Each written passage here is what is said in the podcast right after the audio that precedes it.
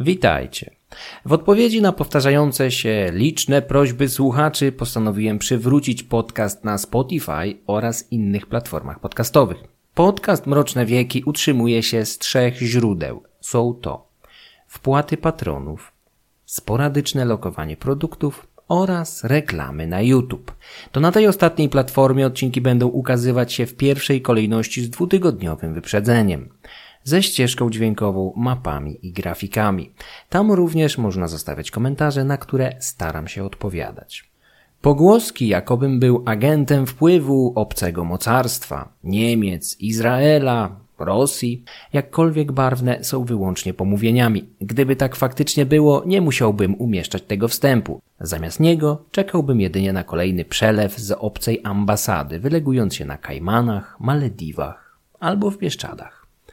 Słuchając Mrocznych Wieków na Spotify lub platformach innych niż YouTube, weź pod uwagę, drogi słuchaczu lub słuchaczko, że w żaden sposób nie zarabiam na nich, pomimo tego, że przygotowanie niektórych odcinków może trwać nawet dwa tygodnie.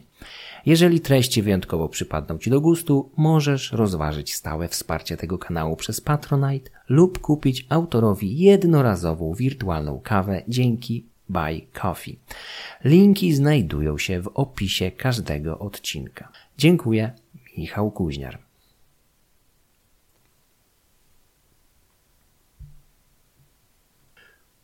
Avitus nie miał dobrej prasy. W pamięci historyków tak starożytnych jak tych nam współczesnych zapisał się jako ten cesarz, który najmniej chyba licował z powagą sprawowanego przezeń urzędu. Wyuzdane ekstrawagancje Gajusza, artystyczne fanaberie Nerona, małostkowość Domicjana miały być niczym wobec młodzieńca ze wschodu, którego krótkie, czteroletnie rządy zapisały się w kronikach jako okres dość spokojny, praktycznie pozbawiony wojen, ale z drugiej strony, z perspektywy stolicy imperium, jako krótki epizod pełen szaleństwa, rozwiązłości, okrucieństwa i orientalnego despotyzmu albo przynajmniej taką wersję historii przekazują nam nieliczne, ale dość wiarygodne źródła. Młody Avitus wyłania się z nich jako szalony psychopata, opętany z jednej strony fanatycznym oddaniem dla swojego boga Ela Gabala, z drugiej zaś nigdy nie gasnącym pożądaniem, szczególnie wobec mężczyzn hojnie obdarzonych przez naturę. Młody cesarz miał podczas swoich krótkich rządów dopuścić się całego spektrum szaleństw, perwersji i okrucieństw. Ich ukoronowaniem miała być słynna uczta, w trakcie której część gości została niespodziewanie i celowo uduszona masą kwiatów. Zdarzenie to opisane w jednym z późnych i mało wiarygodnych źródeł stało się inspiracją dla słynnego wiktoriańskiego obrazu Lorenza Almetademy. Obraz ten będzie dość często towarzyszył nam w dzisiejszym epizodzie. Niderlandzki malarz tworzył z wyobraźni, dostosowując materiał źródłowy do własnych potrzeb. Stąd na płótnie miejsce pierwotnych fiołków zastąpiły znacznie bardziej zmysłowe róże, łatwiej kojarzone z pogańską rozwiązłością i ekstrawagancją. Róże Heliogabala, Alma Tademy są sztandarowym przykładem deformacji, jakiej ulega historia manipulowana przez kulturę masową. Źródła nic nam nie mówią o żadnych różach Heliogabala, a jakby tego było mało, nigdy nie istniał nawet cesarz o takim imieniu.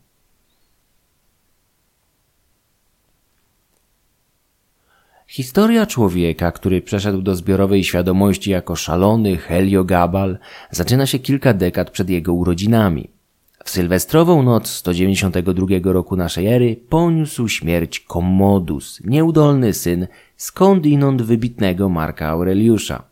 Dwunastoletnie rządy człowieka, którego większość słuchaczy zna zapewne z filmu Ridleya Scotta, zapoczątkowały kilkuletni okres wojen domowych, z których w 197 roku zwycięsko wyszedł Septymiusz Sever.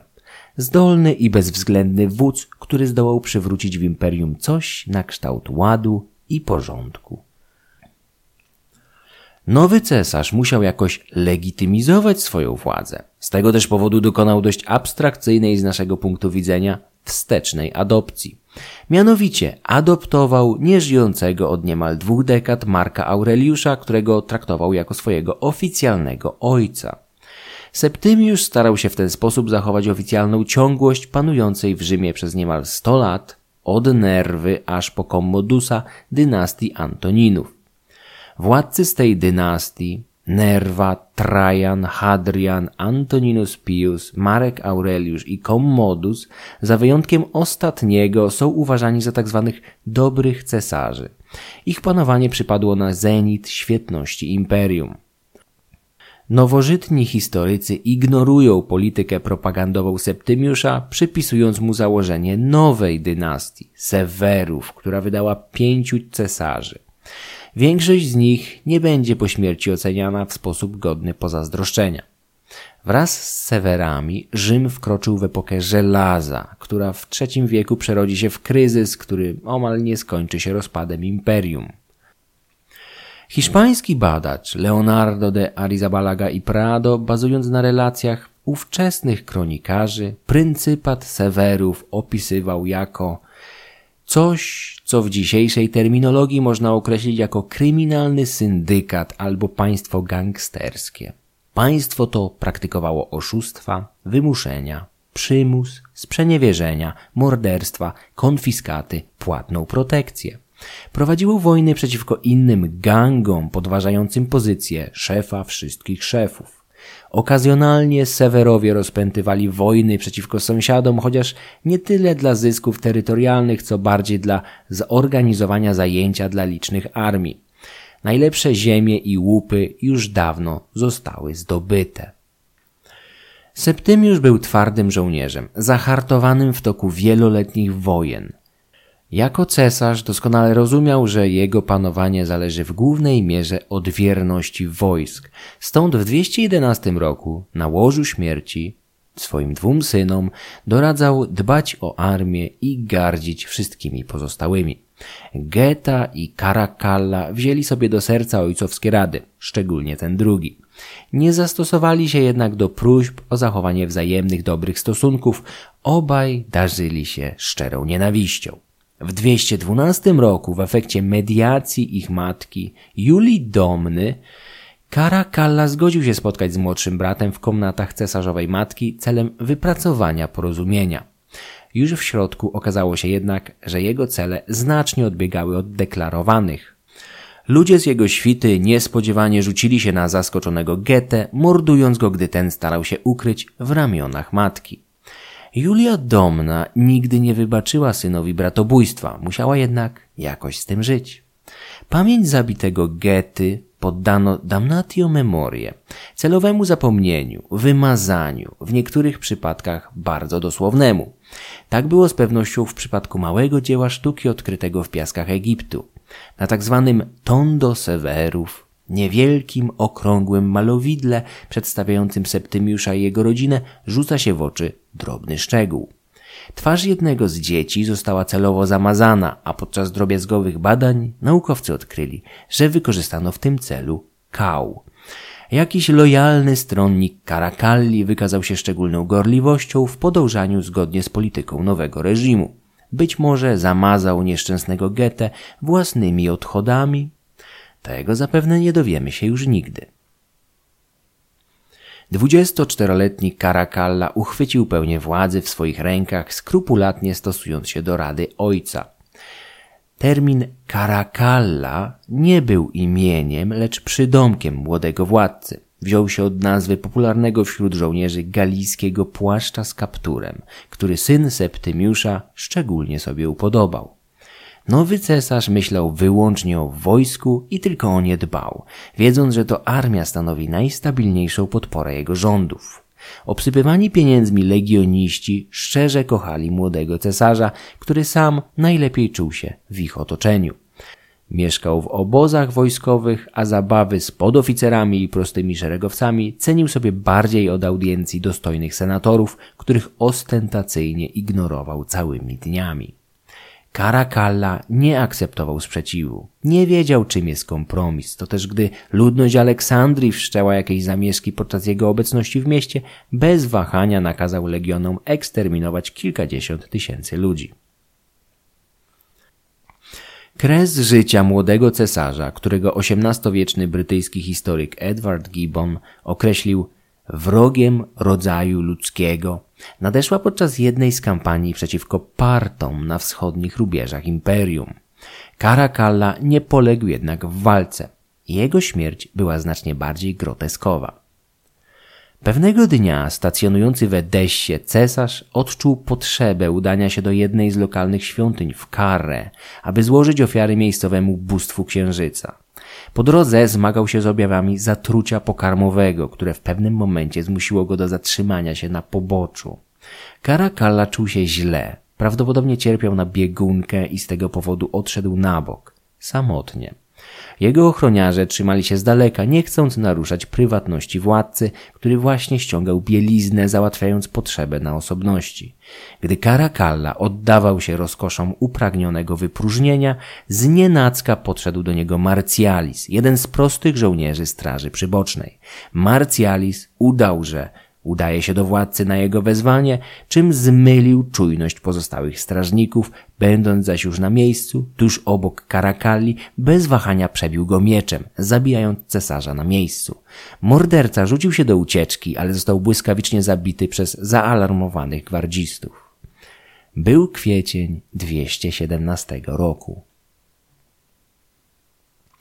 Jednym z pierwszych którzy dobiegli do konającego cesarza, był prefekt pretorianów, Makrynus, którego współcześni prędko zaczęli podejrzewać o inspirowanie zamachu na władcę.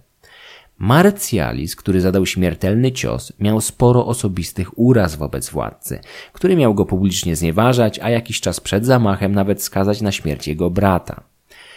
W kuluarach mówiło się, że to jednak prefekt był mózgiem całej operacji.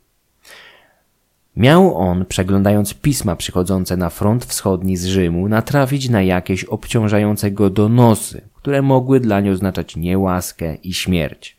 Być może postanowił działać z wyprzedzeniem i zdołał skłonić Marcialisa do zadania śmiertelnego ciosu? Tego już się nie dowiemy. Makrynus oficjalnie opłakał zamordowanego cesarza, który nie pozostawiał po sobie żadnych dzieci ani dorosłych męskich członków rodziny. Nie sprzeciwiał się także wpisaniu poprzednika w poczet bogów. Wobec bezdzietności Karakali to Makrynus przywdział purpurę wiosną 217 roku, w samym środku wojny z Partami, którą postanowił jak najszybciej zakończyć. Nowy cesarz od samego początku popełniał jednak zbyt wiele błędów. Był z wykształcenia prawnikiem, intelektualistą znanym ze znajomości z greckimi myślicielami i dbałości o gęstą brodę symbolizującą zainteresowania wybiegające poza obóz wojskowy. Makrynus nie przypadł do gustu prostym żołnierzom, którym dodatkowo doskwierała przedłużająca się kampania wschodnia. Wielu z nich zostało ściągniętych do tego teatru wojennego z nad Dunaju, gdzie zostawili rodziny. Nowy cesarz zdołał w końcu zawrzeć niezbyt korzystny pokój z królem Partów, ale prędko stanął przed widmem deficytu budżetowego. Caracalla szastał pieniędzmi na prawo i lewo, istotnie zwiększając żołd w wojsku. Pokój z Partami zaś przewidywał od Rzymian wypłacenie przeciwnikom wysokiej kontrybucji. Makrynus postanowił więc obciąć żołd nowym rekrutom, co błyskawicznie zaalarmowało również starszych weteranów, obawiających się teraz poważnie o swoje własne apanarze. Popularności nowemu cesarzowi nie przynosiło również jego niskie pochodzenie. Był bowiem ekwitą, pierwszym w historii Imperium Romanum cesarzem, który nie wywodził się z rodziny senatorskiej. Budziło to zrozumiałą niechęć coraz mniej znaczącego senatu. Makrynus zignorował dochodzące zewsząd sygnały o niechęci skierowanej w jego stronę, szczególnie ze strony wojska. Błogo oddawał się rozrywkom intelektualnym, przedstawieniom i ucztom w Antiochii, szczególnie dbając o swoją brodę.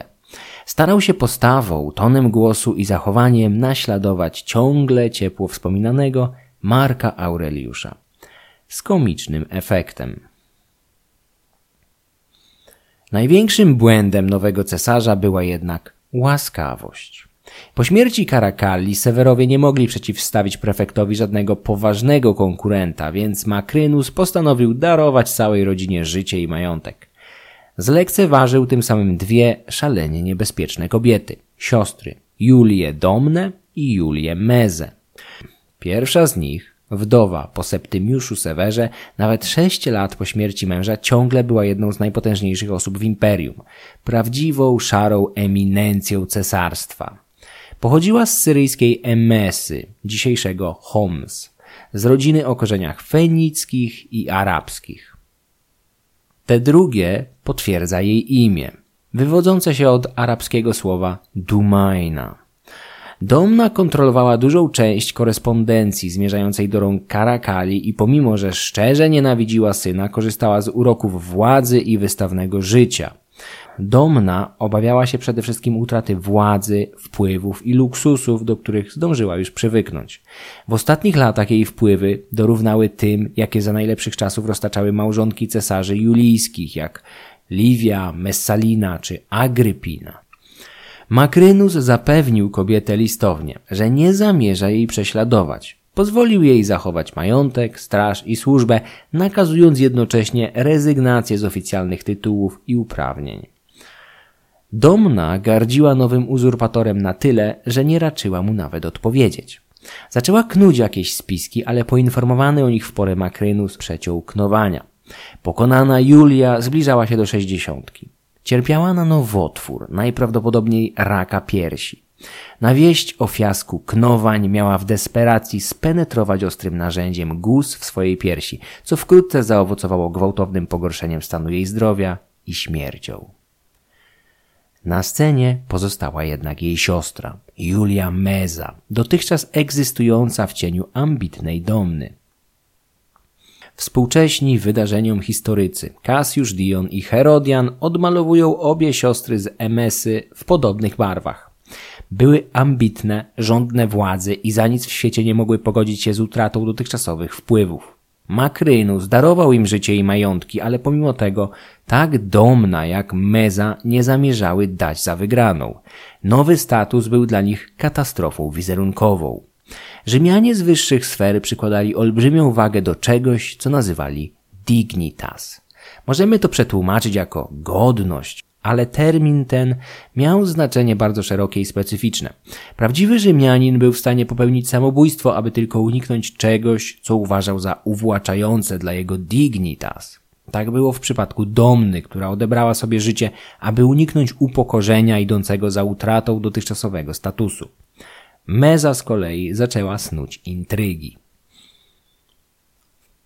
Kobieta miała dwie córki, również Julię.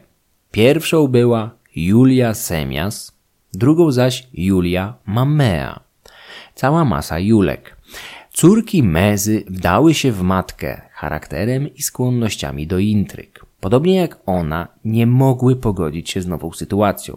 Zamordowany cesarz Karakalla był dla nich kuzynem, a w środowisku prędko zaczęły pojawiać się plotki, podsycane przez same zainteresowane, jakoby łączące je z nim relacje daleko wykraczały poza rodzinne uprzejmości.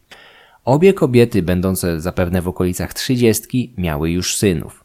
Semias miała trzynastoletniego Avitusa, Mamea zaś młodszego o cztery lata Aleksjanusa. Nestorka rodu, Julia Meza postanowiła wykorzystać wnuków do ostatecznej walki o tron. W Rzymie kobieta mogła sprawować władzę jedynie pośrednio, z wykorzystaniem jakiegoś mężczyzny, męża, brata, syna, wnuka. Meza musiała zdawać sobie sprawę, że jej szanse powodzenia nie są wysokie. A w razie porażki całą rodzinę będzie czekać zagłada, łącznie z małoletnimi chłopcami. Podjęła jednak ryzyko. Młodszy Aleksjanus miał status rezerwowego. Pierwszym pretendentem do tronu miał zostać nastoletni Avitus. Obaj chłopcy zostali wyświęceni na kapłanów lokalnego bóstwa solarnego, znanego jako Elagabal, Bóg Góry. Elagabala czczono pod postacią wielkiego, czarnego kamienia, który znajdował się w sanktuarium niedaleko syryjskiej Emesy. Nastolatek był wówczas arcykapłanem syryjskiego boga, o czym pisze szczegółowo Herodian, cytuję. Jako kapłan występował publicznie w stroju barbarzyńskim, przybrany w purpurową złotem przetykaną szatę, z rękawami do stóp sięgającymi. Przy czym nogi jego od bioder aż do końców palców okrywało odzienie również z purpurowej, złotem przetykanej tkaniny. Głowę zdobił wieniec ze sztucznych kwiatów, wysadzanych drogimi kamieniami. W rozkwicie młodości był z wyglądu najpiękniejszy z wszystkich ówczesnych młodzieńców. Ponieważ jednoczył piękność ciała, wdzięk chłopięcy i powab swego stroju, można było porównać tego młodzieńca z Dionizosem. Kiedy więc spełniał swe czynności sakralne i obyczajem barbarzyńców tańczył wokół ołtarza przy dźwiękach fletów, piszczałek i innych instrumentów, wszyscy ludzie patrzyli na niego z wielkim zainteresowaniem, zwłaszcza zaś żołnierze, którzy wiedzieli, że z cesarskiego rodu pochodzi i to tym więcej, że i jego piękno młodzieńcze ściągało na niego oczy wszystkich. W sąsiedztwie tego miasta stało wówczas bardzo dużo wojska.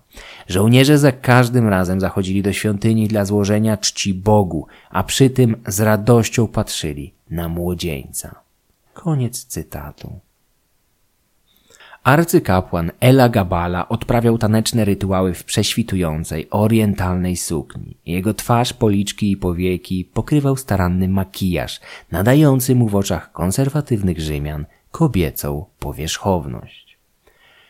Sextus Varius Avitus Bassianus przyszedł na świat w roku 204, zapewne w Rzymie, gdzie wówczas wysokie stanowisko sprawował jego ojciec, Sextus Avitus Marcellus. Współczesny wydarzeniom Cassius Dion określa chłopca jako Avitusa i tak też będę go nazywał.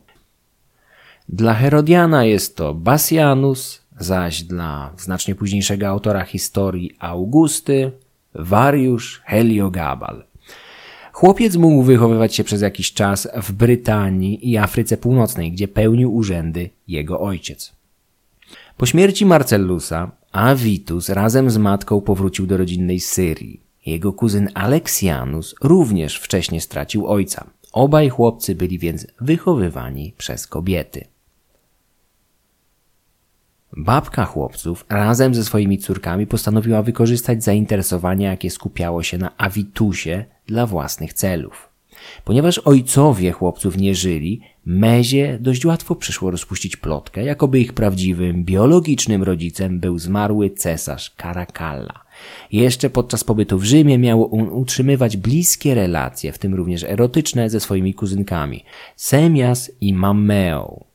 Ich efektem mieli być dwaj chłopcy, Avitus i Alexianus. Dla matek oznaczało to konieczność przyznania się do cudzołóstwa, ale w końcu cel, jakim był tron imperium, uświęcał takie środki. Meza podniosła bunt. Razem z zaufanymi wyzwoleńcami, dwiema córkami i wnukami ruszyła do jednej z lokalnych fortec, Rafany, w której stacjonował jeden z legionów. Stojąc przed żołnierzami, familia Mezy ogłosiła zgromadzonym, że to młody Avitus jest prawowitym następcą tronu i biologicznym synem uwielbianego Karakali. Babka kapłana Elagabala postawiła wszystko na jedną kartę. Legioniści mogli zignorować jej rewelacje, zwłaszcza, że sami nie byli w stanie stawić czoła wszystkim armiom Makrynusa. Cesarz ledwo zakończył wojnę z Partami i ciągle dysponował kilkoma innymi legionami zgromadzonymi w sąsiedztwie. Pomimo wszystkich przeciwności losu, Meza podjęła grę o władzę i zachowanie swojej zagrożonej dignitas. Z zaskakująco dobrym skutkiem. Legioniści zachęceni olbrzymi datkami pieniężnymi po zwycięstwie szybko dali się przekonać. Tym bardziej, że darzyli wypacykowanego Makrynusa, tego prawnika intelektualistę, szczerą niechęcią. Tęsknili za prostym, grubiańskim karakallą, a nastoletni Avitus był do zmarłego niewiarygodnie podobny. W Rafanie wybuchł bunt. Legioniści rozpoczęli przygotowania do odparcia nieuniknionego oblężenia, a Meza i jej zaufani ludzie zaczęli gorączkowo nawiązywać kontakty z namiestnikami sąsiednich prowincji i dowódcami poszczególnych jednostek wojskowych. Był maj 218 roku. Wypadki miały się odtąd potoczyć z nieprawdopodobną prędkością.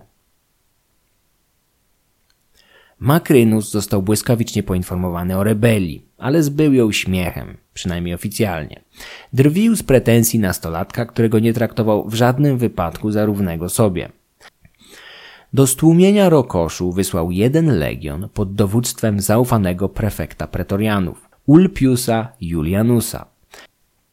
W międzyczasie jednak wysłał do Senatu prośbę o ogłoszenie tego pseudo-Antoninusa, jak zwał wnuka Mezy, wrogiem publicznym.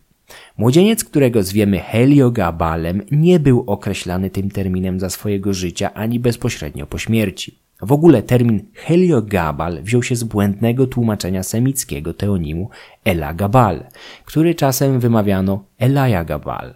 Ponieważ semickie bóstwo miało charakter solarny, Grecy szybko skojarzyli je z Heliosem i tak powstał Heliogabal. Sextus Varius Avitus Bassianus, bo tak zwał się cesarz, po ogłoszeniu pretensji do tronu przyjął imiona swojego rzekomego ojca Carakalli i w oficjalnej nomenklaturze był od tego czasu Markiem Aureliuszem Antoninusem. Cassius Dion donosi, że współcześni nazywali go często pogardliwie pseudo-Antoninem, Sardanapalem, Asyryjczykiem bądź Tyberinusem. Ostatni termin wyjaśni się na końcu tej historii. Poprzednie zaś dotyczą jego orientalnego pochodzenia. Młodzieńca wiązano z legendarnym asyryjskim władcą Sardanapalem, znanym w helleńskiej tradycji z okrucieństwa, despotyzmu i rozwiązłości. Avitus pochodził z rodziny o korzeniach arabskich i fenickich, ale od setek lat dojrzewającej na hellenistycznym wschodzie. Dynastia z Emesy budziła w Rzymie złośliwe komentarze ze względu na swoje orientalne imiona i zwyczaje, ale w jej skład wchodzili ludzie zhellenizowani od wielu pokoleń. Z pewnością wszyscy członkowie rodu doskonale znali łacinę i byli po prostu kolejnym dowodem na to, jakim multietnicznym tyglem było imperium. Pochodzenie Avitusa, a szczególnie jego fenicki element, kojarzony z przebiegłymi kartagińskimi kupcami, zawsze będzie budził pewien niepokój w Rzymie. W maju 218 roku legion wysłany przez Makrynusa dotarł pod Rafanę i przystąpił do oblężenia. Wieczorem żołnierzom cesarza udało się wyłamać bramy miasta, ale ich dowódca Ulpiusz ku zaskoczeniu wszystkich wstrzymał atak. Najprawdopodobniej nie chciał ryzykować chaotycznej nocnej walki w ciasnych uliczkach miasta. Zamierzał dać oblężonym szansę na poddanie się rankiem, albo w razie odmowy szturmować miasto ponownie za dnia. Okazało się to koszmarnym błędem. Nocą wysłannicy oblężonych zdołali przedostać się do obozu i przekonać wielu żołnierzy Ulpiusa, że w murach Rafany ukrywa się prawdziwy syn Karakalli. Legioniści zaczęli się wahać. Na ich nastawienie dodatkowo wpływać zaczęły oferty hojnych darów, które czekają na nich, jeżeli tylko pozbawią życia najbardziej zawziętych ze swoich oficerów. Nad ranem wojsko Ulpiusa ruszyło co prawda w kierunku Rafany, ale gdy na murach ukazał się młody Avitus, ten sam, którego wielu z nich pamiętało z pląsów w świątyni Elagabala, sytuacja uległa diametralnej zmianie. Kolejne oddziały odmawiały atakowania Rafany. Zaczęli ginąć pierwsi oficerowie, a sytuacja Ulpiusa stała się beznadziejna. Wódz rzucił się do ucieczki, ale został prędko wytropiony i zamordowany. W tym samym czasie Makrynus profilaktycznie mobilizował kolejne siły. Zdawał się być pewien swego, ale aby podkreślić ciągłość władzy, wyniósł swojego dziewięcioletniego syna, Diadumeniana, do tytułu Augusta, cesarza. Podczas uczty w otoczeniu legionów do jego obozu przybył jakiś żołnierz z wojska Ulpiusa, donosząc o wielkim zwycięstwie pod murami Rafany. Posłaniec przywiózł ze sobą pakunek, w którym miała znajdować się głowa pokonanego pretendenta. Makrynus przyjął podarunek i w chwilę potem rozpakował zawartość. Jakaż zgroza musiała odmalować się na jego twarzy, gdy w wiklinowym koszyku zamiast oczekiwanej głowy trzynastolatka odkrył wykrzywioną śmiertelnym grymasem głowę prefekta Ulpiusa. Posłaniec, który przyniósł zawiniątko tymczasem, zdołał się już rozpłynąć wśród legionistów. Makrynus wiedział już, że walczy o życie. Przyspieszył mobilizację wiernych mu wojsk, ale do jego uszu dochodziły wiadomości o dezercjach kolejnych oddziałów.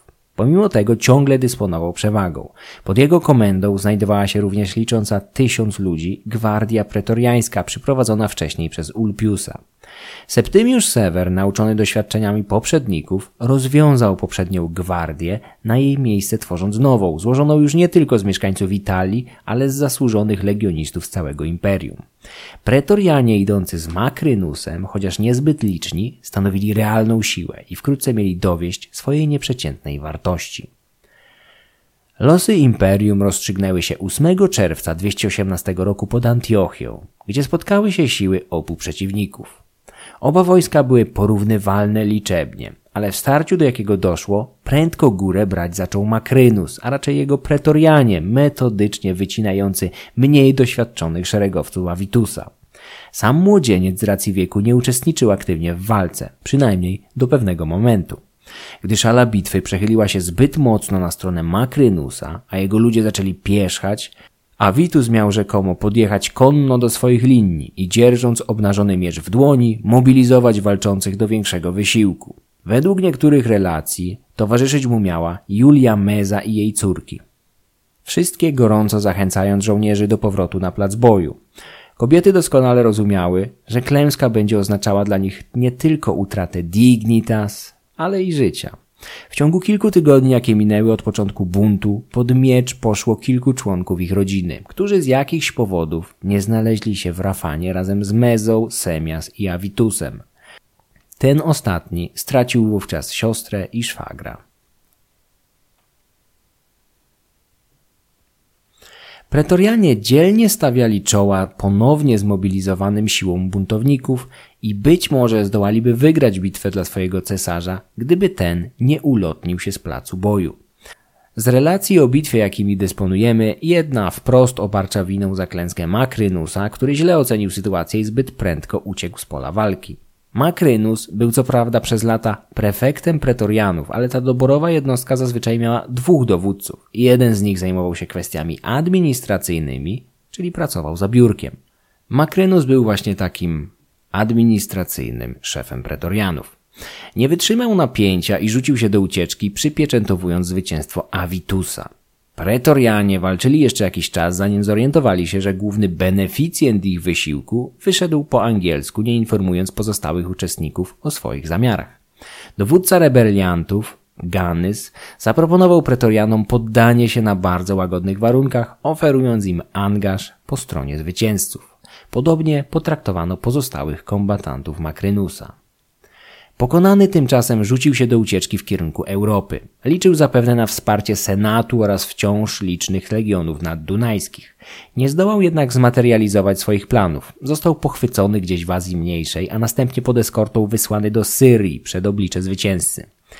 Nigdy tam nie dotarł. Po drodze, na jakiejś wąskiej, skalistej dróżce, próbował popełnić samobójstwo skacząc z powozu w przepaść, ale próba ta skończyła się jedynie kilkoma złamanymi kośćmi i obrażeniami. Nie wiadomo, czy Makrynus zmarł w ich następstwie, czy też został po prostu dobity przez zniecierpliwionych konwojentów. Jego odrąbaną głowę wysłano Avitusowi do Antiochii, zaś ciało pozostawiono na poboczu jako żer dla dzikich zwierząt. Podobnie tragiczny los spotkał jego synka Diadumeniana. Tuż po klęsce ojciec wysłał chłopca razem z obstawą na wschód do króla Partów, licząc, że wschodni władca z radością przyjmie małoletniego cesarza, którego będzie mógł w przyszłości wykorzystać jako element wpływania na sytuację wewnętrzną w imperium. Dziewięciolatek nigdy nie dotarł do celu swojej podróży. Eskorta zdradziła go po drodze, został rozpoznany i zabity podczas przekraczania jakiegoś brodu na Eufracie. Avitus stał się jedynym panem imperium. Jego błyskawiczny sukces był równie zaskakujący dla przeciwników, jak i jego stronników. Jak zawsze po takim zwycięstwie i zmianie reżimu dojść musiało do czystki objawiającej się usunięciem stronników poprzedniego cesarza. Dzisiaj w krajach demokratycznych zmianie partii rządzącej towarzyszy głośny wrzask wszystkich krewnych, ciotek, wnuków i kochanek poprzedniej ekipy, odrywanych od intratnych stołków w spółkach Skarbu Państwa. W Rzymie takie dymisje również miały miejsce. Oprócz nich jednak przewidywano bardziej bezwzględne środki wobec stronników przegranej ekipy. Pokonanych można było wygnać i pozbawić majątku, a wreszcie skazać na śmierć lub zasugerować popełnienie samobójstwa. O dziwo przewrót Avitusa nie zaowocował zbyt dużą ilością zgonów, przynajmniej nie od razu. Według Cassiusza Diona zginąć miało siedmiu wysokich dostojników. Jeden udał się na wygnanie, a wielu zdegradowano. Na miejsce stronników obalonego przeciwnika zaczęto awansować własnych ludzi, co wyjątkowo nie przypadło do gustu Kasiuszowi. Rzymski historyk oskarżał zwycięzcę o promowanie ludzi nisko urodzonych. Zresztą ten zarzut nie spotykał jedynie Avitusa. Makrynus, sam będący ekwitą, starał się rozmyć swoje niskie pochodzenie, podnosząc do najwyższych godności innych członków swojego stanu. Kasiusz skrzętnie odnotował wszystkich, którzy stracili życie w wyniku czystki. Pominął jednak tych, którzy tak jak on sam zachowali swoje stanowiska lub otrzymali nowe. W końcu swoją historię rzymską pisał pod rządami bezpośredniego następcy Avitusa, Aleksandra Severa, który nie widział żadnego interesu w podkreślaniu jakichkolwiek pozytywnych stron rządów poprzednika i kuzyna jednocześnie. Cassius był członkiem elity, a z jego twórczości co chwila wypływa nieskrywana niechęć, czasem nawet pogarda dla ludzi niższych klas. Nie jest to zresztą niczym nowym ani szczególnym w twórczości rzymskich historyków. Zarzuty czynione przez Kasiusza nowemu reżimowi nie były jednak do końca prawdziwe.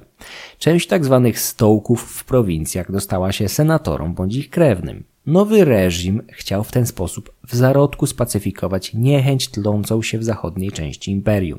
Trudno w ogóle przypisywać tutaj jakąkolwiek moc sprawczą czternastolatkowi, który właśnie wstąpił na tron. Młodzieniec ów mógł wyróżniać się nieprzeciętną urodą i znajomością rytuałów niezbędnych do łechtania Boga Góry ukrytego w czarnym obelisku, ale na pewno nie znał pajęczyn powiązań i wzajemnych zależności utrzymujących imperium tak dobrze, jak jego babka. Nowym reżimem z pewnością sterowała z za tronu Julia Meza, zbliżająca się do sześćdziesiątki, doświadczona intrygantka. Trudno ocenić realne znaczenie matki Avitusa, Semias. Nie wydaje się, aby odziedziczyła zdolności Mezy i Domny. W źródłach, zwłaszcza u Herodiana, jawi się jako jednostka głupia, rozrzutna i próżna. Nowy cesarz przybrał imiona swojego domniemanego ojca. Zaczął również eksperymentować z tytulaturą na monetach. Na numizmatach z okresu panowania młodego cesarza najczęściej natrafiamy na tytuł Imperator Antoninus Pius Augustus, który stał się oficjalnym sloganem nowego władcy. Inskrypcje starożytnych cesarzy, jakie znajdujemy na numizmatach, posągach, budowlach bądź łukach triumfalnych, były deklaracjami, ogłoszeniami podobnymi do haseł przewodnich dzisiejszych partii politycznych. Leonardo de Arizabalaga i Prado jest autorem wykorzystanej przeze mnie naukowej i na wskroś akademickiej pracy, w której za punkt honoru stawia sobie analizę postaci Avitusa z pominięciem źródeł literackich. Hiszpan stara się potwierdzić lub podważyć wszystkie zarzuty i pogłoski towarzyszące niesławnemu cesarzowi, wykorzystując jedynie odkrycia archeologiczne. Jest to bardzo, bardzo, bardzo specyficzna lektura. Ciekawą, popularną naukową biografię cesarza popełnił Harry Sidebottom, historyk i wykładowca znany głównie dzięki swoim powieściom osadzonym w realiach starożytnego Rzymu. W polskiej literaturze ślady Avitusa Heliogabala możemy znaleźć w książkach Aleksandra Krawczuka, pisanych wspaniale, niczym powieść. Aczkolwiek dostrzegam w nich zbyt daleko idącą wiarę w nawet najbardziej odjechane źródła pisane, szczególnie w niesławną historię Augustę. Po polsku wydano także część źródeł, z których korzystałem, szczególnie Herodiana. Młody cesarz nie śpieszył się do Rzymu, gdzie z trwogą oczekiwali go senatorowie, szczególnie ci, którzy po wniosku Makrynusa głosowali za ogłoszeniem go wrogiem publicznym. Avitus miał spędzić rok w drodze do stolicy, powoli posuwając się przez Azję Mniejszą, a następnie Bałkany, gdzie wyjątkowo dużo czasu spędził w obozach miejscowych legionów, starając się za wszelką cenę zaskarbić ich przychylność. Mennice nowego władcy biły monety z podobiznami stylizowanymi na młodego Karakalle, co dzisiaj bywa pewnym problemem przy odróżnianiu numizmatów obu tych cesarzy. Zdaniem Harego Sidebotoma w czasie swojego krótkiego życia Avitus doczekał się dwóch typów wizerunków. Pierwszy z nich przedstawia gładkolicego nastolatka z dość gęstą czupryną i dużymi oczami. Z czasem, w toku dojrzewania, cesarz nabierać będzie coraz wyraźniejszych oznak dojrzałości. Na policzkach pojawił się bokobrody, górną wargę przypruszy delikatny wąs. W końcu całą dolną szczękę pokryje rzadka broda. Późne źródła, jak historia Augusta, zarzucały Avitusowi dokonanie samokastracji, co było bzdurą nie znajdującą potwierdzenia ani u Cassiusza Diona, ani Herodiana. Broda pojawiająca się na monetach w latach przypadających na XV-XVIII rok życia cesarza zdaje się przeczyć pomysłom późnych autorów historii Augusty, których od Avitusa dzieliły dwa stulecia. Zwycięstwo pod Antiochią utwierdziło religijny fanatyzm młodego cesarza, który teraz mógł z całą pewnością wierzyć w potęgę swojego opiekuna, Ela Gabala. Czarny obelisk symbolizujący bóstwo został zabrany z Emesy i razem z władcą udał się w długą drogę do Italii. Otoczenie cesarza z pewnością zdawało sobie sprawę, że mieszkańcy nadtybrzańskiej metropolii mogą przeżyć coś na kształt szoku kulturowego, gdy zobaczą nowego cesarza pląsającego w rytm fletów i piszczałek wokół czarnego kamienia, przystrojonego w prześwitującą, powłóczystą szatę, jaką zdaniem Rzymianina może założyć na siebie jedynie kobieta, i to tylko ze wschodu. Aby nieco złagodzić pierwsze wrażenie, do stolicy wysłano bardzo szczegółowy obraz nowego cesarza, przystrojonego w szatę kultową.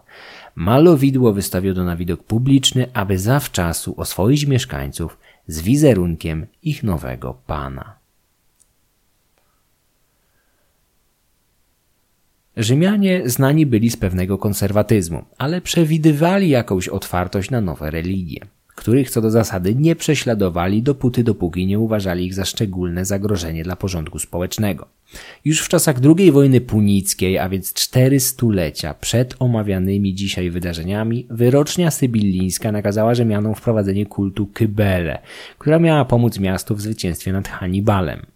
Z czasem nad Tybrem pojawił się Mitra, Izyda, w siłę zaczęli rosnąć także monoteistyczni judaiści.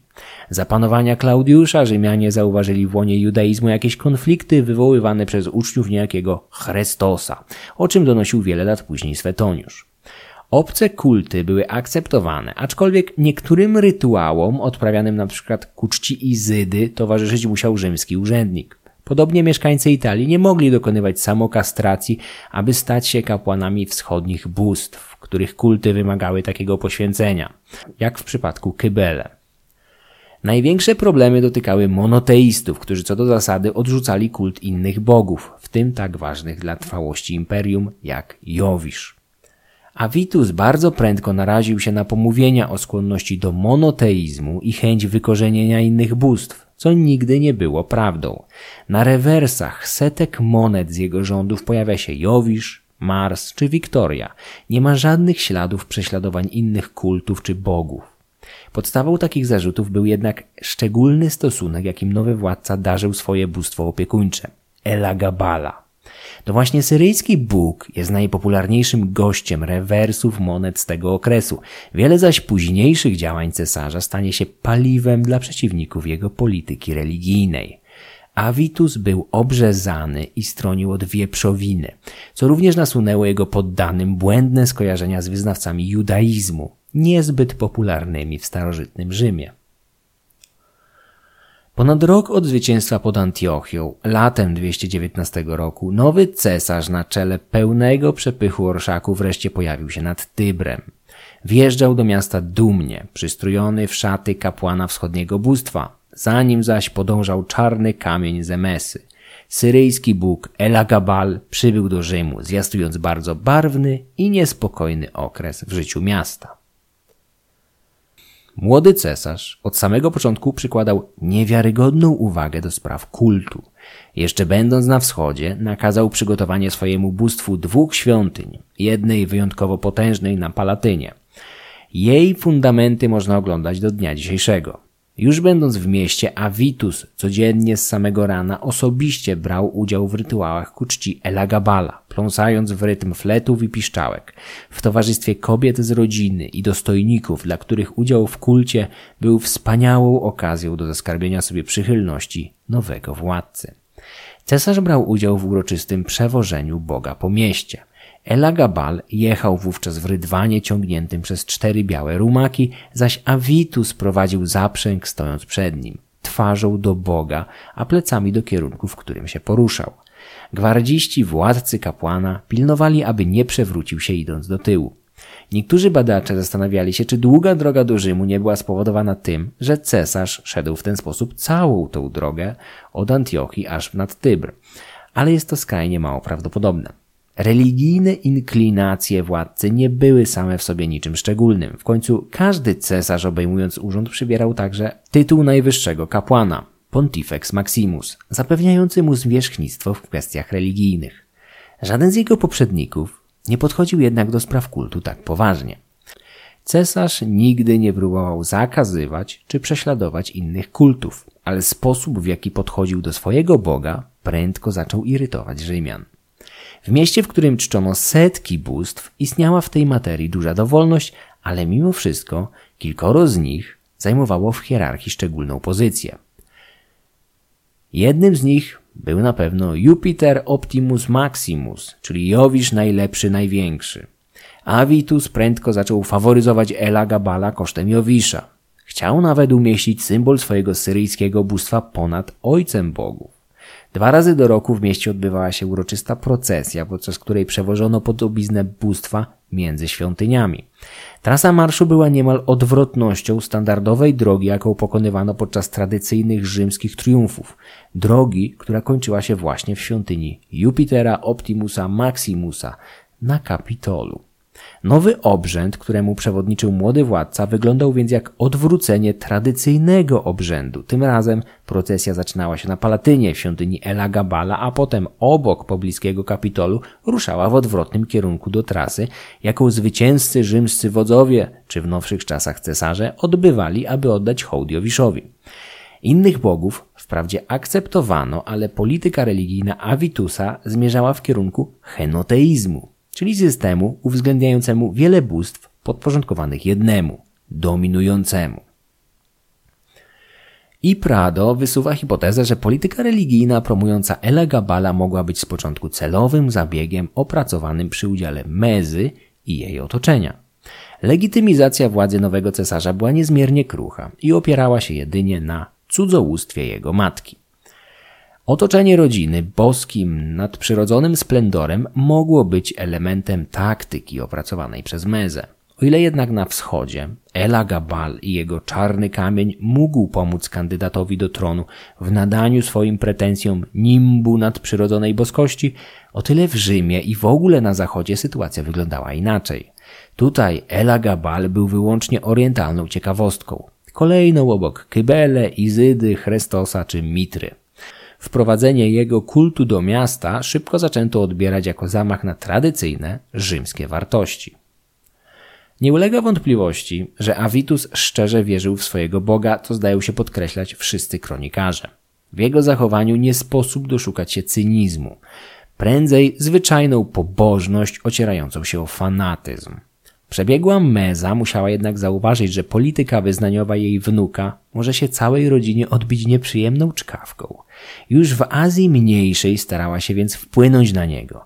Pomagali jej w tym członkowie świty młodzieńca. Jeden z najważniejszych wyzwoleńców rodziny, Eutychianus, prywatnie kochanek matki cesarza, miał szczególnie uparcie nalegać na młodzieńca, domagając się od niego zmiany przyzwyczajeń. Przypłacił to życiem. Prawdopodobnie jesienią 217 roku, jeszcze w Azji Mniejszej, Avitus skazał go na śmierć.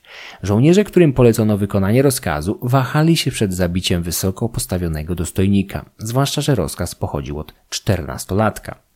Cesarz miał, zdaniem Kasiusza Diona, własnoręcznie przebić Eutychianusa mieczem, po czym widzący to żołnierze już spokojnie przystąpili do dzieła, wiedząc, że to nie oni pierwsi rozpoczęli ten mord.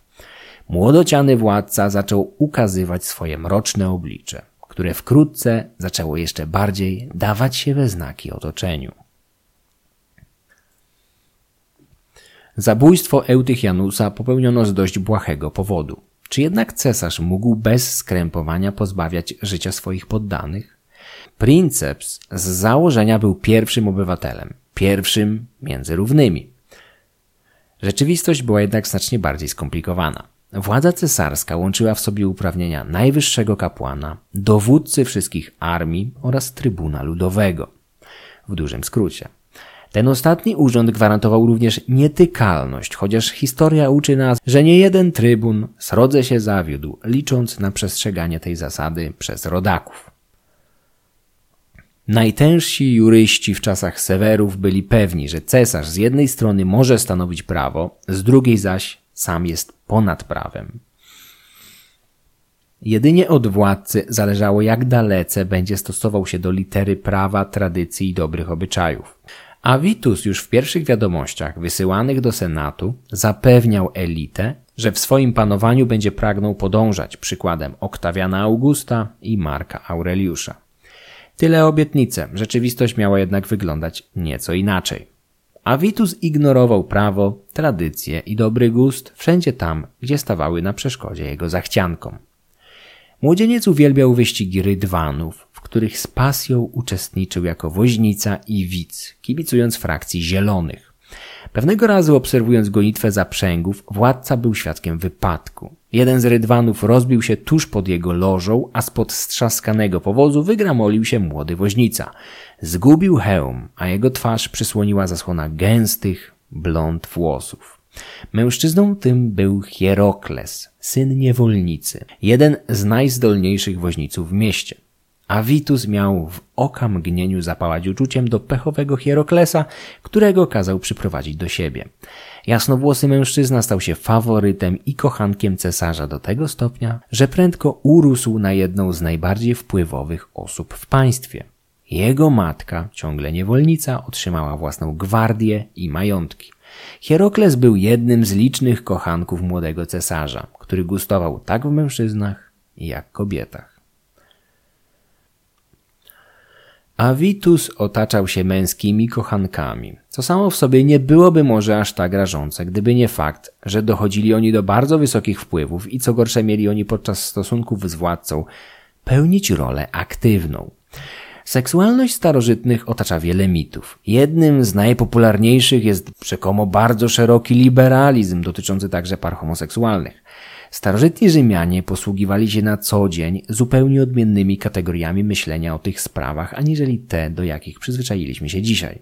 Przede wszystkim stosunkowo niewielkie znaczenie miało to, co dokładnie robiono w łóżku i jakie płci był partner. Olbrzymią wagę przykładano jednak do tego, kto był na górze w cudzysłowie. Cesarz miał prawo mieć partnerów tej samej płci, tak jak miało to miejsce choćby w przypadku Hadriana i jego młodocianego kochanka, Antinusa. Partnerów dzieliła spora różnica wieku i statusu społecznego, co dało się zaakceptować. Hadrian był w tej relacji stroną aktywną, dominującą. Nastoletni Antinus był zaś biernym kochankiem. Problem pojawiał się, gdy ktoś próbował odwrócić pozycję. Neron miał rzekomo dokonać jakichś rytualnych zaślubin z męskim kochankiem, co samo w sobie było gorszące, ale prawdziwe wzburzenie wywołał fakt, że cesarz wszedł wówczas w rolę panny młodej. Za Juliuszem Cezarem przez całą jego karierę wlokła się haniebna zdaniem Rzymian przygoda, jakiej zaznał w młodości, będąc wówczas na dworze Nikomedesa, króla Bitynii, krainy w Azji Mniejszej, Cezar miał wdać się w romans z Nikomedesem i niczym panna młoda udać się do łoża władcy na czele orszaku weselnego. Złośliwi przez wiele lat oczerniali Cezara, tytułując go królową Bitynii lub materacem Nikomedesa. Avitus szedł w tym samym kierunku. Z tym, że o ile w przypadku Cezara zarzuty mogły być zwyczajnie zmyślone albo przesadzone, o tyle młody cesarz robił wszystko, co w jego mocy, aby dawać pożywkę oburzeniu poddanych. Miał otaczać się męskimi kochankami. Ci zaś mieli walczyć między sobą o względy patrona. Najlepiej obrazuje to historia Aureliusza Zotikusa, atlety ze Smyrny, który miał oczarować młodego władcę swym pięknym ciałem i olbrzymim przyrodzeniem. A Vitus miał obsypać go zaszczytami i zaprosić do swojego pałacu. Podczas pierwszego spotkania atleta miał tytułować cesarza słowami Mój panie, na co władca, przewracając głowę na bok i kokieteryjnie mrużąc oczy, zaprotestował, twierdząc, że nie jest panem, a panią. Zotikus niedługo cieszył się względami, zbyt szybko stał się poważnym zagrożeniem dla zazdrosnego Hieroklesa. Jasnowłosy faworyt wszedł w spisek z kucharzem, który miał podczas uczty dosypać Zotikusowi jakichś leków obniżających potencję. Atleta udał się następnie do sypialni swojego pana, ale nie był w stanie utrzymać tej nocy erekcji, co miało się dlań skończyć ośmieszeniem i wygnaniem z dworu, a ostatecznie także Italii. Tyle Cassius Dion. Późniejsi kronikarze oskarżali cesarza o skłonności masochistyczne. Miał wręcz zachęcać Hieroklesa do znęcania się nad sobą i prowokować przemoc z jego strony własną niewiernością. Najpoważniejsi oskarżyciele zarzucali cesarzowi prostytuowanie się, ale podejrzewam, że jest w tym tyle samo prawdy, ile w rzekomym lupanarze otwartym przez Gajusza Kaligulę na Palatynie. Niewiele. Nowy władca, nawet jeżeli bardziej gustował w mężczyznach, musiał wziąć sobie w końcu małżonkę, aby spłodzić następcę tronu, a przy okazji wzmocnić koneksję z ważnymi rzymskimi rodami. Pierwszą wybranką nastolatka była Julia Paula, o której wiemy niewiele. Wesele odbyło się w 220 roku. Małżonka od razu otrzymała tytuł Augusty, który dzielić musiała z babką i matką cesarza. Uroczystości weselne przeszły do legendy.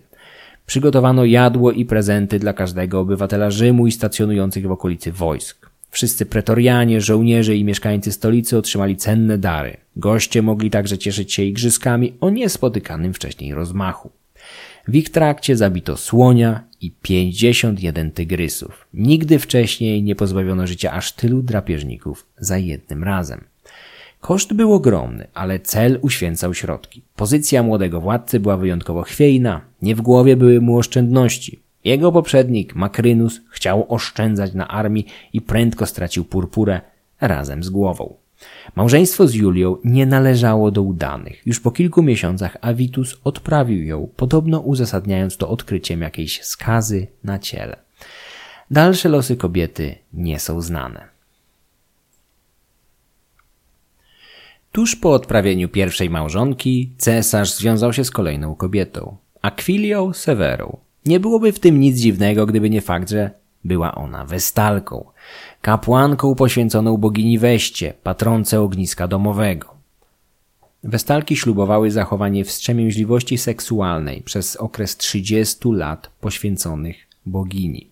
Cieszyły się ogromnym szacunkiem i poważaniem w społeczeństwie. Mężczyzna, który odważył się targnąć na cnotę Westalki, był karany śmiercią, ale władcy czyn ten uszedł na sucho. Młodzieniec tłumaczył związek chęcią spłodzenia dzieci o nadprzyrodzonych cechach. W końcu tylko takie potomstwo mogło zrodzić się ze związku Westalki i arcykapłana potężnego Elagabala. Związek z Akwilią Sewerą wywołał powszechne oburzenie wśród prostego ludu i wojska. Tłumaczenia cesarza przedstawione senatorom na niewiele się zdały. Po kilku miesiącach, pod naciskiem wściekłej opinii publicznej, odprawił małżonkę.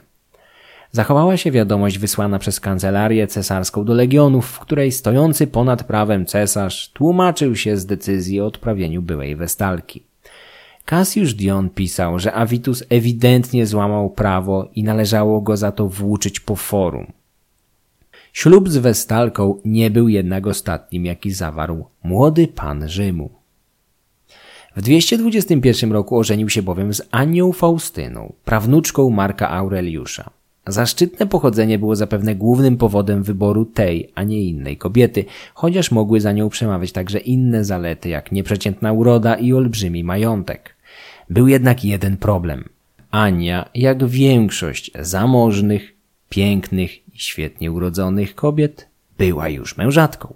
Wydana została wcześniej za Pomponiusza Bassusa, byłego konsula posiadającego wielkie dobra w Azji Mniejszej. To jednak nie przeszkadzało specjalnie Avitusowi. Z jego inicjatywy usłużny senat skazał Pomponiusza na śmierć za rzekome niezadowolenie z rządów Avitusa.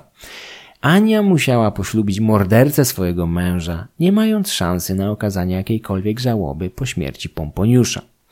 Należy wątpić, aby to małżeństwo należało do udanych. Nie trwało zresztą zbyt długo. Już po kilku miesiącach Avitus porzucił Annię i powrócił do odprawionej wcześniej Sewery, byłej Westalki.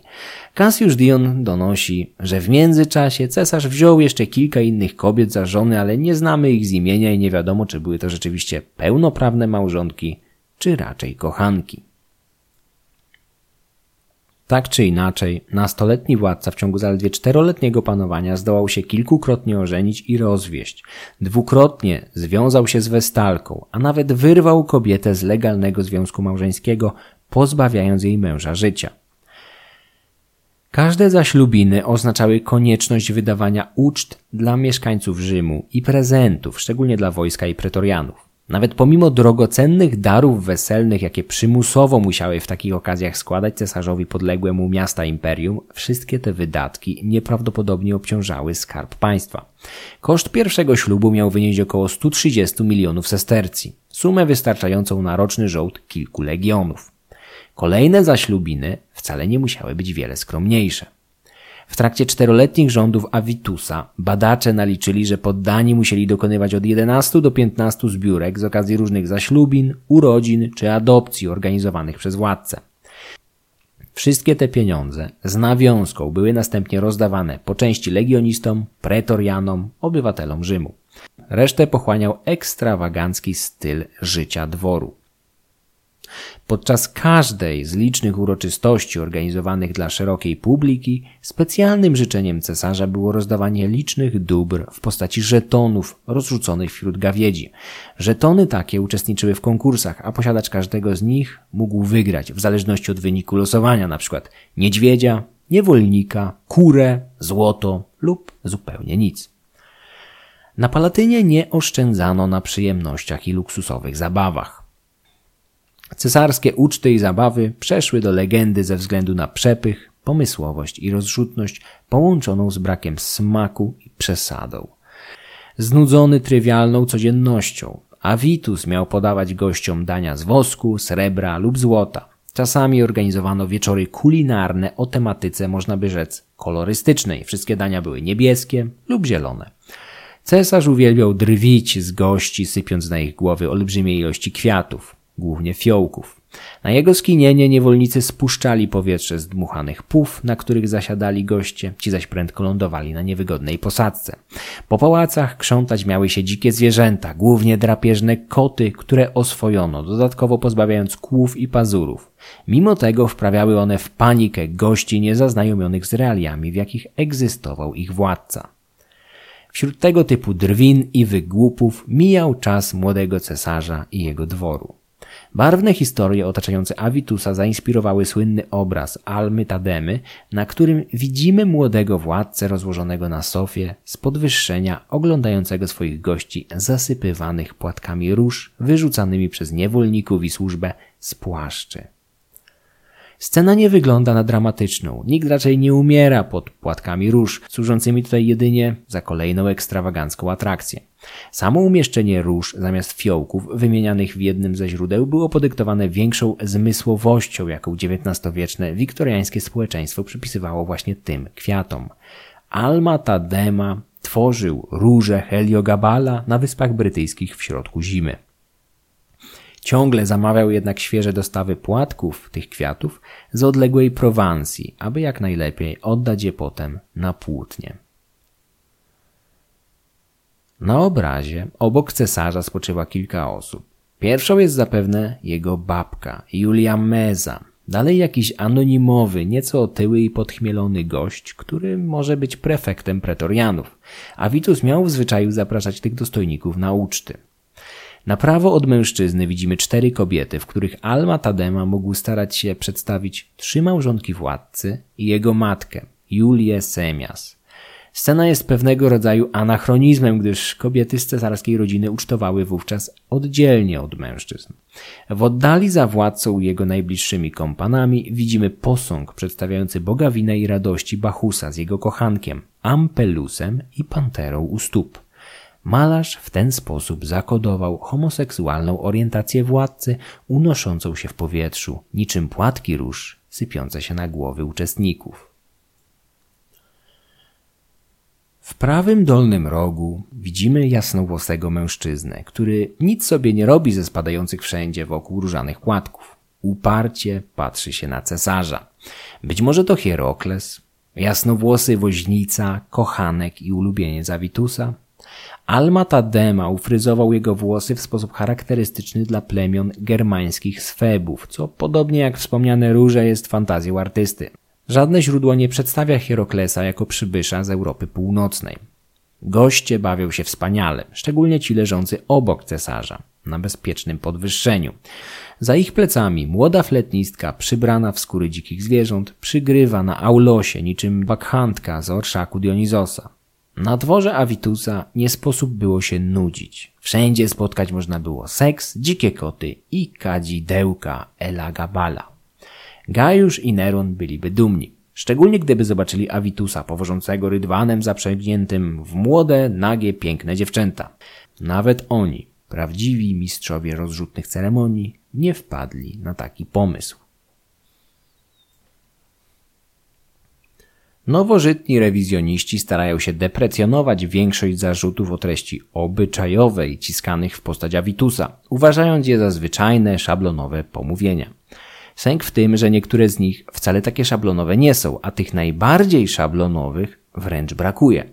Nikt na przykład nie oskarżał cesarza o kazirodztwo. Dość częsty zarzut ciskany wcześniej choćby w Gajusza czy Nerona.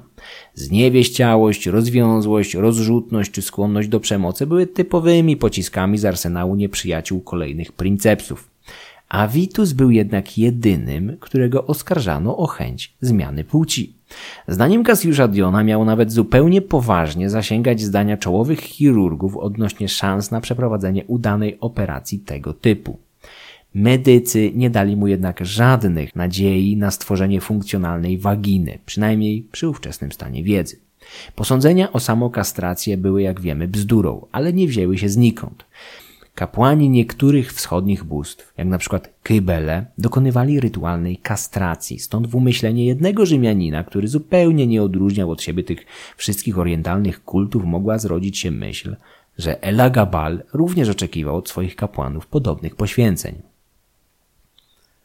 Historia Augusta jest kopalnią barwnych bajeczek o cesarzu, który miał składać w ofierze ludzi, szczególnie dzieci, na oczach zrozpaczonych rodziców, okradać świątynie czy przyznawać liczne stanowiska posiadaczom wielkich członków, co Harry Sidebottom określa żartobliwie jako makrofallokrację. Z pewnością większość tych historii, spisanych dwa stulecia po zgonie niesławnego cesarza, zawiera zwyczajne pomówienia. Przypisywanie mu skłonności do składania dzieci w ofierze wzięło się z jego fenickich korzeni. Rzymianie słyszeli dawne przekazy o dzieciach zabijanych w ofiarach całopalnych dla Baala w Kartaginie, a wyobraźnia i plotki robiły już swoje. Krótkie panowanie Avitusa nie upływało jednak wyłącznie na zabawach, igrzyskach i kolejnych weselach. Przeprowadzono kilka całkiem pożytecznych inwestycji, jak choćby rekonstrukcja spalonych w efekcie pożaru górnych kondygnacji amfiteatru Flawiuszów, szerzej znanego jako Koloseum. Znacznie większe środki poszły jednak na nowe świątynie Elagabala, którego dodatkowo dwukrotnie próbowano swatać z boginiami Minerwą i Uranią. W ten sposób cesarz, arcykapłan chciał zapewne lepiej osadzić orientalny kult w italskich realiach. Nie zdobył sobie jednak tymi pomysłami szczególnego poparcia. Lud stolicy chętnie skorzystał z uroczystości i rozdawnictwa zwykle towarzyszącego takim inicjatywom, a później i tak narzekał na religijny fanatyzm orientalnego despoty. Avitus był zdeklarowanym pacyfistą, co wyraźnie wyartykułował w Senacie, oznajmiając, że nie chce prowadzić żadnych wojen zaborczych. Inicjatywa szczytna, lecz dalece odstająca od realiów świata, w którym przyszło mu żyć. Nic nie jest bowiem dla władzy takim zagrożeniem, jak kilkaset tysięcy legionistów bez zajęcia. Istniały pogłoski, że w pewnym momencie władca, albo raczej stojąca za nim meza, zaczął rozważać wznowienie wojen markomańskich, toczonych kilka dekad wcześniej przez Marka Aureliusza z germańskimi plemionami zamieszkującymi dzisiejsze Niemcy, Czechy i Słowację. Z planów tych nie wynikło jednak nic konkretnego. Podobnie jak w wielu innych przypadkach, tak i tym razem koniec panowania Avitusa nadszedł ze strony armii, a szczególnie pretorianów. Co prawda, na samym początku panowania nowy cesarz musiał zmierzyć się z innymi pretendentami do tronu, ale żaden z buntów nigdy nie wyszedł poza wczesne, lokalne stadium, które tłumiono bez konieczności angażowania większych sił. Buntownicy ginęli często z ręki własnych żołnierzy lub skrytobójców. Panowanie Avitusa dalekie jednak było od mocnych fundamentów, a z czasem było jedynie coraz gorzej. Tyberiusz powiedział kiedyś, że bycie princepsem to jak trzymanie wściekłego, głodnego wilka za uszy. Wystarczy chwila nieuwagi, aby zostać rozszarpanym. Cesarz mógł być ponad prawem, ale pomimo tego ciągle musiał zadowalać konkretne grupy społeczne. Wiele z nich zaś miało zupełnie przeciwstawne interesy. Podczas jednego z posiedzeń Senatu młody cesarz miał powiedzieć, że zdaje sobie sprawę z tego, że senatorzy kochają go tak samo jak kocha go lud, jego rodzina i wojsko, nie jest jednak w stanie zdobyć sobie miłości pretorian, nawet pomimo hojnych prezentów, jakimi ciągle ich obdarowuje. Pomimo reform Septymiusza Severa, pretorianie znowu stali się dość niezależną siłą zdolną obalać i wynosić na tron władców. Żyjący w pierwszym wieku, poeta satyryczny Juvenalis miał kiedyś zapytać retorycznie – a któż strzeże naszych strażników? W domyśle chodziło mu właśnie o pretorian i potężną władzę, jaka spoczywała w ich koszarach. Wojsko domagało się przede wszystkim pieniędzy i uznania. Dlatego taką miłością szeregowi żołnierze otaczali prostackiego Karakalle. Dbał o nich, wywyższał ponad innych, obsypywał darami, bawił się z nimi, żył w ich obozach. Na korzyść Avitusa przemawiało z początku jego rzekome pochodzenie od zamordowanego Karakalli, ale czar prędko prysł. Żołnierze byli w zdecydowanej większości konserwatywnymi mężczyznami przywiązanymi do tradycji. Mierził ich władca, który otaczał się orientalnym splendorem i męskimi kochankami. Był pasywnym homoseksualistą, nigdy nie brał udziału w żadnej kampanii wojennej, trwonił pieniądze na rozrywki zamiast dać je im, a w końcu promował jakieś obce bóstwo kosztem potężnego Jowisza. Nie lepiej wyglądały notowania młodego cesarza u senatorów i członków elity, których zraził jego rozpustny tryb życia, otaczanie się nisko urodzonymi kochankami jak Hierokles, czy wreszcie ograniczenia intelektualne. Senatorowie nie byli w stanie szanować człowieka, który nie reprezentował sobą ponadprzeciętnego poziomu intelektualnego, Herodian, wprawdzie wykształcony, lecz wywodzący się z klasy co najwyżej średniej, wprost określał Avitusa jako głupiego, bezmyślnego młodzieńca. Kolejny w układance, choć najmniej znaczący, był lud. On również nie darzył władcy specjalną miłością. Rozdawnictwo, ciągłe igrzyska i zabawy połączone z ekstrawagancją młodego cesarza mogły z początku cieszyć gawieć. Zwłaszcza, że władca niespecjalnie szanował senatorów, a takie podejście do elit zawsze przysparzało władcom poparcia wśród najniższych warstw. Do tego Avitus uwielbiał proste rozrywki, popularne wśród gawiedzi, szczególnie wyścigi rydwanów. Wszystko to szybko jednak zaczęła przesłaniać niezrozumiała i drażniąca ogół populacji polityka religijna – ocierająca się niejednokrotnie o jawne świętokradztwo. Porwanie Westalki ze świątyni, w której służyła, było strasznym przestępstwem w oczach nie tylko prostej ludności. Niewiele lepiej uplasowało się wywyższenie wschodniego boga kryjącego się w jakimś czarnym kamieniu z Syrii ponad starym, dobrym Jowiszem, który czuwał nad Rzymem od zarania dziejów. Jakby tego było mało, Avitus niezbyt sprawnie zaspokajał potrzeby najbliższego otoczenia, tak zwanej familia Cesaris, w skład której zaliczali się także niewolnicy, służba, wyzwoleńcy, ciągle walczący o władzę i wpływy na dworze. Konflikty z bliską rodziną, szczególnie babką Mezą, starającą się dopilnować wnuka, również narastały. Zakres władzy Mezy i jej córek jest w tamtym okresie trudny do precyzyjnego zdiagnozowania. Wiadomo jednak, że babka i matka Avitusa, jako pierwsze w historii Rzymu, zasiadły w kurii podczas obrad Senatu. Jakby tego było mało, zajęły miejsca przysługujące konsulom. Był to gest, na który nie odważyła się wcześniej żadna z potężnych kobiet imperium. Livia, Messalina czy Agrypina – ta ostatnia uczestniczyła co prawda w obradach Senatu, ale tylko wtedy, gdy miały one miejsce w jednej z bibliotek na Palatynie, a ona sama była schowana za kotarą dla zachowania pozorów. Julia Meza i Julia Semias nie miały już takich skrupułów. Babka cesarza musiała dobrze zdawać sobie sprawę z rosnącej niechęci do nieokiełznanego wnuka. Czując nadchodzącą katastrofę, postanowiła wyciągnąć drugiego asa z rękawa. Druga z córek Mezy, Julia Mammea, była w końcu matką młodego Aleksjanusa, z którego również starano się uczynić nieślubne dziecko Karakalli.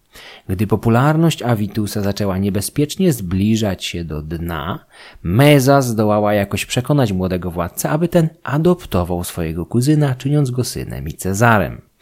Aleksjanus przybrał wówczas imię Aleksandra, a w historii zapisał się jako Aleksander Sewer, ostatni władca z dynastii zapoczątkowanej przez Septymiusza niemal trzy dekady wcześniej. Podczas uroczystej adopcji kuzyna senatorowie gratulowali cesarzowi doczekania się syna. On zaś dowcipnie zauważył, że powinni mu dodatkowo pogratulować doczekania się tak wyrośniętego dziecka. W końcu Aleksander Sewer miał już wówczas 13 lat. Do dzisiaj nie wiadomo, jak Meza zdołała przekonać Avitusa do tak ewidentnie ryzykownego z jego punktu widzenia czynu. Spekulowano, jakoby miała go namówić do uznania Aleksandra tak, aby ten wyręczał go w najbardziej przyziemnych i nudnych zadaniach, dzięki czemu Avitus mógłby skupić się na funkcji arcykapłana Elagabala, no i oczywiście rozrywkach. A być może Herodian miał po prostu rację, określając cesarza jako bezmyślnego głupka? Nawet Avitus musiał się jednak w końcu zorientować, że adopcja nie jest dla niego zbyt korzystna. Wraz z nią w siłę urosła na dworze jego ciotka Mamea, a dworzanie zaczęli coraz chętniej garnąć się do otoczenia Aleksandra, który wbrew pierwotnym ustaleniom trzymał się z dala od kultu Elagabala, zamiast tego poświęcając czas bardziej tradycyjnym bóstwom i zajęciom. Cesarz wpadł w furię, widząc, że Aleksander pilnie studiuje grekę i łacinę, zakłada togę i bardzo powściągliwie podchodzi do Elagabala. Przegonił nauczycieli Aleksandra, ale nie był w stanie zrobić wiele ponadto. Młodszy kuzyn prędko stał się ulubieńcem pretorianów, którzy zaczęli otaczać go ścisłą ochroną, widząc, że Avitus zaczyna czyhać na jego życie. Według źródeł pretorianie ostro zareagowali na podejmowane przez cesarza próby uśmiercenia Aleksandra. Avitus został przyparty przez nich do muru i zmuszony do zadeklarowania zmiany w swoim zachowaniu odprawienia najbardziej znienawidzonych popleczników i wszechwładnych kochanków, zwłaszcza tych hojnie obdarzonych. Źródła rozmijają się tutaj, według jednych doszło do jednej takiej konfrontacji między wojskiem a cesarzem, a wedle innych do dwóch. Tak czy inaczej, wpływ Avitusa i jego matki ewidentnie malał, a sytuacja w pałacu zaczęła przypominać te, do jakiej doszło przed dekadą, gdy wspólnie rządy sprawowali Geta i Caracalla. Historia zatoczyła koło, ale doświadczona Meza, będąca świadkiem poprzedniego konfliktu, sprawniej poradziła sobie z kryzysem. Pomógł jej w tym sam Avitus, którego notowania poszybowały w dół, wreszcie sięgnęły dna, przebiły je i zaczęły pukać od spodu. 1 stycznia 222 roku miano zwyczajowo przyznać obu władcom urzędy konsularne na kolejny rok. Zimowy dzień był krótki, więc wszyscy zaangażowani w uroczystość senatorowie razem z rodziną cesarską liczyli na sprawne załatwienie wszystkich ceremonii jeszcze przed zachodem słońca. Cesarz jednak był innego zdania. Obraził się na wszystkich, odmówił uczestniczenia w jednej ceremonii z Aleksandrem i zamknął się w swoich komnatach. Przekonywanie nadąsanego osiemnastolatka trwać miało sześć godzin, trakcie których marznący senatorowie oczyma wyobraźni zapewne rozszarpywali poniżającego ich młodzieńca na strzępy. W końcu Avitus dał się ubłagać i przystąpił do ceremonii noworocznych, chociaż nie obyło się bez dalszych problemów, gdyż uroczystości wymagały oddania hołdu Jowiszowi, co w oczach arcykapłana Elagabala umniejszało znaczenie syryjskiego boga. Cierpliwość Rzymian dobiegała końca. Konflikt między cesarzem a jego przybranym synem i następcą gęstniał jeszcze bardziej, aż w końcu w marcu tego roku inicjatywę przejęli pretorianie. Porozumiawszy się z Mezą, zażądali ostatecznego pojednania dwóch krewniaków. Aby to ułatwić, zaprosili obu do swoich koszarów. Avitus i Aleksander przybyli w wyznaczonym dniu do siedziby pretorianów razem ze swoimi matkami i oddzielnymi orszakami. Na miejscu żołnierze bez skrępowania dali wyraz gorącym uczuciom, jakimi darzyli Aleksandra, niemal zupełnie ignorując jego przybranego ojca i starszego kuzyna. Zawsze wybuchowy Avitus wpadł we wściekłość i opuścił zgromadzenie, udając się do koszarowej kaplicy, w której spędził noc. Nad ranem, w przypływie odwagi, nakazał uwięzić tych spośród żołnierzy, którzy dzień wcześniej szczególnie głośno witali Aleksandra. Rozkaz pierwotnie wykonano, ale wkrótce wśród pretorian pojawiły się oznaki niezadowolenia, a oficerowie kazali w tajemnicy wypuszczać na wolność zatrzymanych. Gdy cesarz zorientował się, że ludzie, których jeszcze przed chwilą kazał uwięzić, bez skrępowania paradują w koszarach, zrozumiał, że sytuacja wymyka mu się spod kontroli. Pretorianie zaczęli okazywać jego towarzyszom jawną niechęć i pogardę, otwarcie domagając się wygnania większości popleczników Avitusa. Niektórych bez ceregieli stracono na jego oczach. Zapędzony w sytuację bez wyjścia, zgodził się na wszystko, a następnie ukrył się w przydzielonych mu komnatach. Tutaj razem z pozostałymi dworzanami i matką zaczął planować ucieczkę z pułapki. Słudzy władcy postanowili wynieść go z koszarów razem z matką niepostrzeżenie w jakiejś większej skrzyni. Pretorianie nie byli jednak aż tacy głupi. Nie musieli jakoś szczególnie skrupulatnie przeszukiwać tej wielkiej skrzyni, aby znaleźć w niej osiemnastoletniego młodzieńca.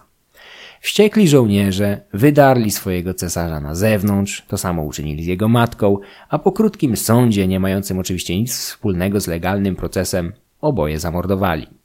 Ciała Semias i Avitusa wyrzucono następnie z koszar, oznajmiając pospólstwu, że może zrobić z nimi co tylko zechce.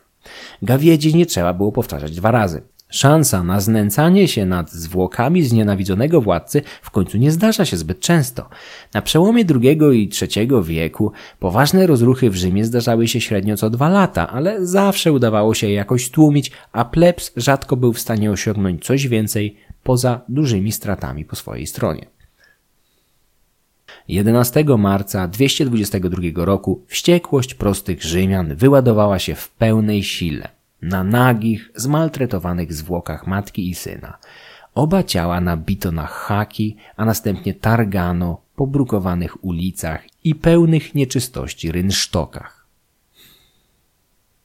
Kilkanaście dekad wcześniej podobny los spotkał Witeliusza, zamęczonego na śmierć przez rzymski plebs. Sposób, w jaki potraktowano Semias, był jednak swoistym precedensem. Nigdy wcześniej bowiem nie potraktowano w sposób tak okrutny żadnej kobiety z rodziny panującej. Matki, żony lub kochanki zazwyczaj zabijano szybko i sprawnie, tak jak miało to miejsce choćby w przypadku Cezonii, żony Gajusza ściętej przez Lupusa. Nie znęcano się jednak nad ich ciałami. Tymczasem oba ciała, Semias i Avitusa targano ku uciesze bezlitosnej gawiedzi. Cesarza próbowano utopić w jakimś odpływie ściekowym, ale ponieważ nie tonął, ciągnięto go dalej przez cały cyrk. W końcu, gdy orszak dotarł nad Tyber, zwłoki Avitusa, które na tym etapie pewnie były już tylko bezkształtną kupą mięsa, skóry i kości, obciążono i ciśnięto w odmęty rzeki z mostu emiliańskiego. Osiemnastoletni władca zniknął w odmętach Tybru, a złośliwi oprawcy ochrzcili go Tyberinusem. Był to kolejny z długiej listy pejoratywnych przydomków, jakich doczekał się za swojego życia domniemany syn Karakali. Pseudo-Antoninus, Sardanapal, Asyryjczyk. Dopiero w przyszłości miał się stać Heliogabalem, dzięki czemu dostąpił swego rodzaju pośmiertnej apoteozy, łącząc się w jedno ze swoim Bogiem. Tuż po zabójstwie nie zaliczono go oczywiście w poczet bogów. Jego panowanie i pamiątki po nim skazano na urzędowe zapomnienie. Nawet dawni bogowie odwrócili się od młodego cesarza, a ich zemsta dopełniła się na palatyńskiej świątyni Elagabala. Po upadku jej fundatora przybytek otrzymał Jupiter Ultor, Jowisz Mściciel. Rządów Avitusa nie da się obronić. Był beznadziejnym, być może najgorszym spośród wszystkich następców Augusta. Zawiódł na wszystkich polach. Poza zjawiskową urodą nie dostrzeżono w nim żadnych zalet. Do dzisiaj nie wiadomo jednak, jaka część jego poczynań jest owocem późniejszej czarnej legendy i złośliwości kronikarzy pracujących pod rządami jego następcy. Co zaś jest prawdą. Nie wiemy też w jakim stopniu był władcą samodzielnym, a na ile pionkiem na szachownicy, rozgrywanym przez swoją babkę, matkę i ludzi z ich bezpośredniego otoczenia. Upadek cesarza był jedynie preludium do tradycyjnej w takich okazjach czystki, która wymiotła większość jego stronników. Na tron wstąpił Aleksander Sewer, który doświadczywszy spektakularnego upadku swojego kuzyna, przyjął odmienne o 180 stopni podejście do senatu, wojska, ludu, bogów i tradycji. Pozwoliło mu to przetrwać stosunkowo długo, bo aż 13 lat. W 235 roku Aleksander Sewer zostanie jednak zamordowany przez zbuntowanych żołnierzy razem z Julią Mameą. Z pięciu cesarzy z dynastii Sewerów trzech zginęło na oczach własnych matek. Niektórzy nawet w ich objęciach. Treść przygotował i przeczytał Michał Kuźniar. Wszystkie wykorzystane źródła znajdziecie w opisie odcinka oraz na końcu filmu. Podcast Mroczne Wieki można wspierać na patronite.pl łamane na Mroczne Wieki. Serdecznie dziękuję wszystkim patronom, a szczególnie Rafałowi, Tomaszowi, Krzysztofowi i dwóm Oskarom. Filmy będące ekranizacją audycji można oglądać i komentować na YouTube, do czego wszystkich serdecznie zachęcam.